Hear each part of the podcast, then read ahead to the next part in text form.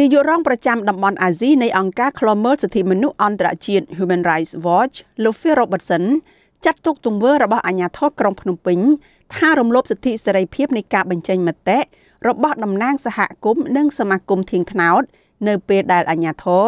ឲ្យពួកគាត់បិទការតាំងពិព័រណ៍សិល្បៈស្ដីពីការលំបាករបស់ពលរដ្ឋក្រីក្រ លោក Phil Robertson ប្រាប់វិទ្យុអាស៊ីសេរីតាមបណ្ដាញសង្គម Signal នៅថ្ងៃទី29ខែកុម្ភៈថាក្នុងស្ថានភាពដែលពលរដ្ឋបង្ខំចិត្តរស់នៅផ្ទះទ្រុឌទ្រោមអាជ្ញាធរគួរតែចំណាយពេលវេលា ជាមួយសហគមន៍ក្រីក្រ ដើម្បីជួយដោះស្រាយបញ្ហាជូនគាត់ ជាជាងមិនអើពើនិងធ្វើសកម្មភាពគម្រាមកំហែងនៅពេលពួកគាត់សម្ដែងមតិលោកសង្កត់ធ្ងន់ថាការបង្ខំឲ្យសហគមន៍និងអង្គការសង្គមស៊ីវិល បិទការតាំងពិព័រណ៍សិល្បៈអំពីផ្ទះនិងជីវិត បង្ហាញថារដ្ឋាភិបាលកម្ពុជា បានរំលោភយ៉ាងច្បាស់ទៅលើកាតព្វកិច្ចរបស់ខ្លួនក្នុងការការពារសេរីភាពនៃការបញ្ចេញមតិដែលមានចែងនៅក្នុងកតិកាសញ្ញាអន្តរជាតិស្តីពីសិទ្ធិពលរដ្ឋនិងសិទ្ធិនយោបាយដែលកម្ពុជាបានផ្ដល់សេចក្ដីបានអង្គការសមាគមធៀងថ្នោតបានរៀបចំព្រឹត្តិការណ៍ពិព័រណ៍រូបថតស្ដីពីផ្ទះនិងជីវិតពីថ្ងៃទី23ខែកុម្ភៈដល់ថ្ងៃទី4ខែមីនា ក្នុងភោជនីយដ្ឋានមួយកន្លែងនៅក្នុងខណ្ឌច្បារអំពើដើម្បីឲ្យសាធារណជន បានយល់ដឹងពីបញ្ហារបស់ពលរដ្ឋនៅក្នុងសហគមន៍ក្រីក្រក្នុងរាជធានីភ្នំពេញពីពណ៌រូបថតស្ដីពីផ្ទះនិងជីវិតបង្ហាញពីទុកលំបាករបស់ពលរដ្ឋក្រីក្រ បញ្ហាប្រឈមនានារបស់សហគមន៍នៅទីក្រុង ដែលពួកគាត់ភ័យច្រើនខ្វះការយកចិត្តទុកដាក់និងពុំមានការផ្ដល់កិច្ចគាំពៀពីសំណាក់រដ្ឋាភិបាលលើសពីនេះ ពលរដ្ឋនៅតាមសហគមន៍ក្រីក្រមិនមានសិទ្ធិនៅក្នុងការសាងសង់លំនៅឋានសម្រាប់ស្នាក់នៅហេដ្ឋារចនាសម្ព័ន្ធមិនគ្រប់គ្រាន់ទឹកលិចក្នុងរដូវវស្សានិងខ្លះទៀតថែមទាំងទទួលរងពាក្យបណ្ដឹងពីតុលាការដោយសារតែតវ៉ាទាមទារផ្ទះនិងដីធ្លីដែលត្រូវឈ្មួញអ្នកមានលុយមានអំណាចរំលោភបំពានប៉ុន្តែមកដល់ពេលនេះគម្រោងពិព័រណ៍នេះត្រូវផ្អាកដោយសារតែអាជ្ញាធររារាំងដោយពុំមានបញ្ជាក់ពីមូលហេតុច្បាស់លាស់ណាមួយនៅឡើយ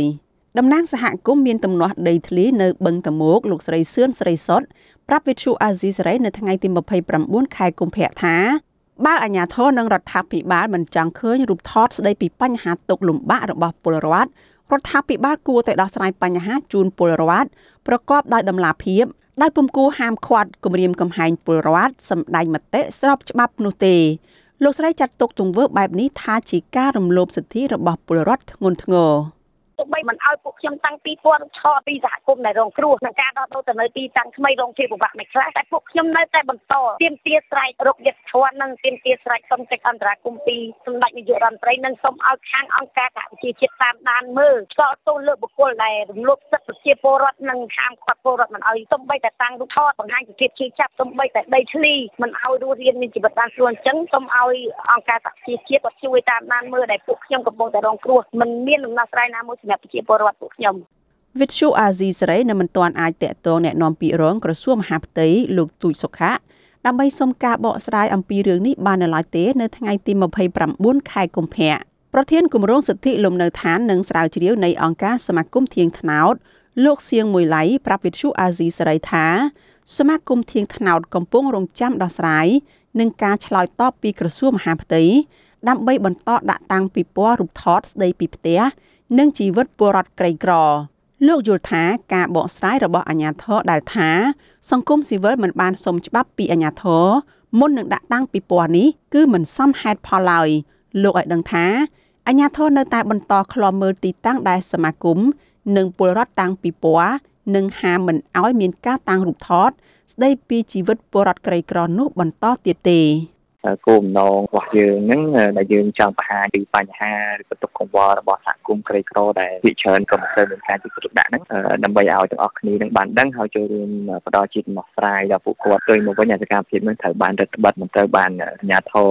ចង់ឲ្យបង្ហាញទៅដល់សាធារណជនអញ្ចឹងណាវាជាបញ្ហាមួយដែលធ្វើឲ្យបញ្ហារបស់សហ គមន៍ដែលកំពុងជួបប្រទះហ្នឹងនៅតែបន្តមានបញ្ហាទៀតហើយបញ្ហាហ្នឹងវានៅតែបន្តកើតមានហើយមិនមានជាដំណោះស្រាយសម្រាប់ពួកគាត់ក៏ដូចជាបញ្ហាសម្រាប់សង្គមរបស់យើងលោកសៀងមួយឡៃសោស្ដាយដែលអាជ្ញាធរនៅតែបន្តរារាំងមិនឲ្យពលរដ្ឋនិងសមាគមធៀងថ្នោតបន្តតាំងពីពណ៌អំពីការលំបាករបស់ពលរដ្ឋក្រីក្រនេះលោកបញ្ជាក់ថាសមាគមធៀងថ្នោតរៀបចំព្រឹត្តិការណ៍រូបថតស្ដីពីផ្ទះនិងជីវិតក្នុងបំណងចង់បង្ហាញរដ្ឋាភិបាលបានដឹងដើម្បីស្វែងរកដំណោះស្រាយសម្រាប់ពលរដ្ឋ ដែលពុំគួររារាំងរដ្ឋបិទសិទ្ធិប្រមូលផ្ដុំសម្ដែងមតិរបស់ពលរដ្ឋបែបនេះឡើយសមាគមធៀងថ្នោតស្នើដល់ក្រសួងមហាផ្ទៃសម្រួលឲ្យសមាគមនិងពលរដ្ឋអាចជួបជុំគ្នាបន្តទៀតរៀបចំការតាំងពិព័រណ៍ស្ដីពីជីវិតពលរដ្ឋក្រីក្រឡើងវិញ និងទាមទារឲ្យអាជ្ញាធរបញ្ឈប់ការធ្វើទុកបុកម្នេញនិងគំរាមកំហែងពលរដ្ឋបន្តទៀតនាងខ្ញុំសុជីវី With you Azizi Serai ពីរដ្ឋធានី Washington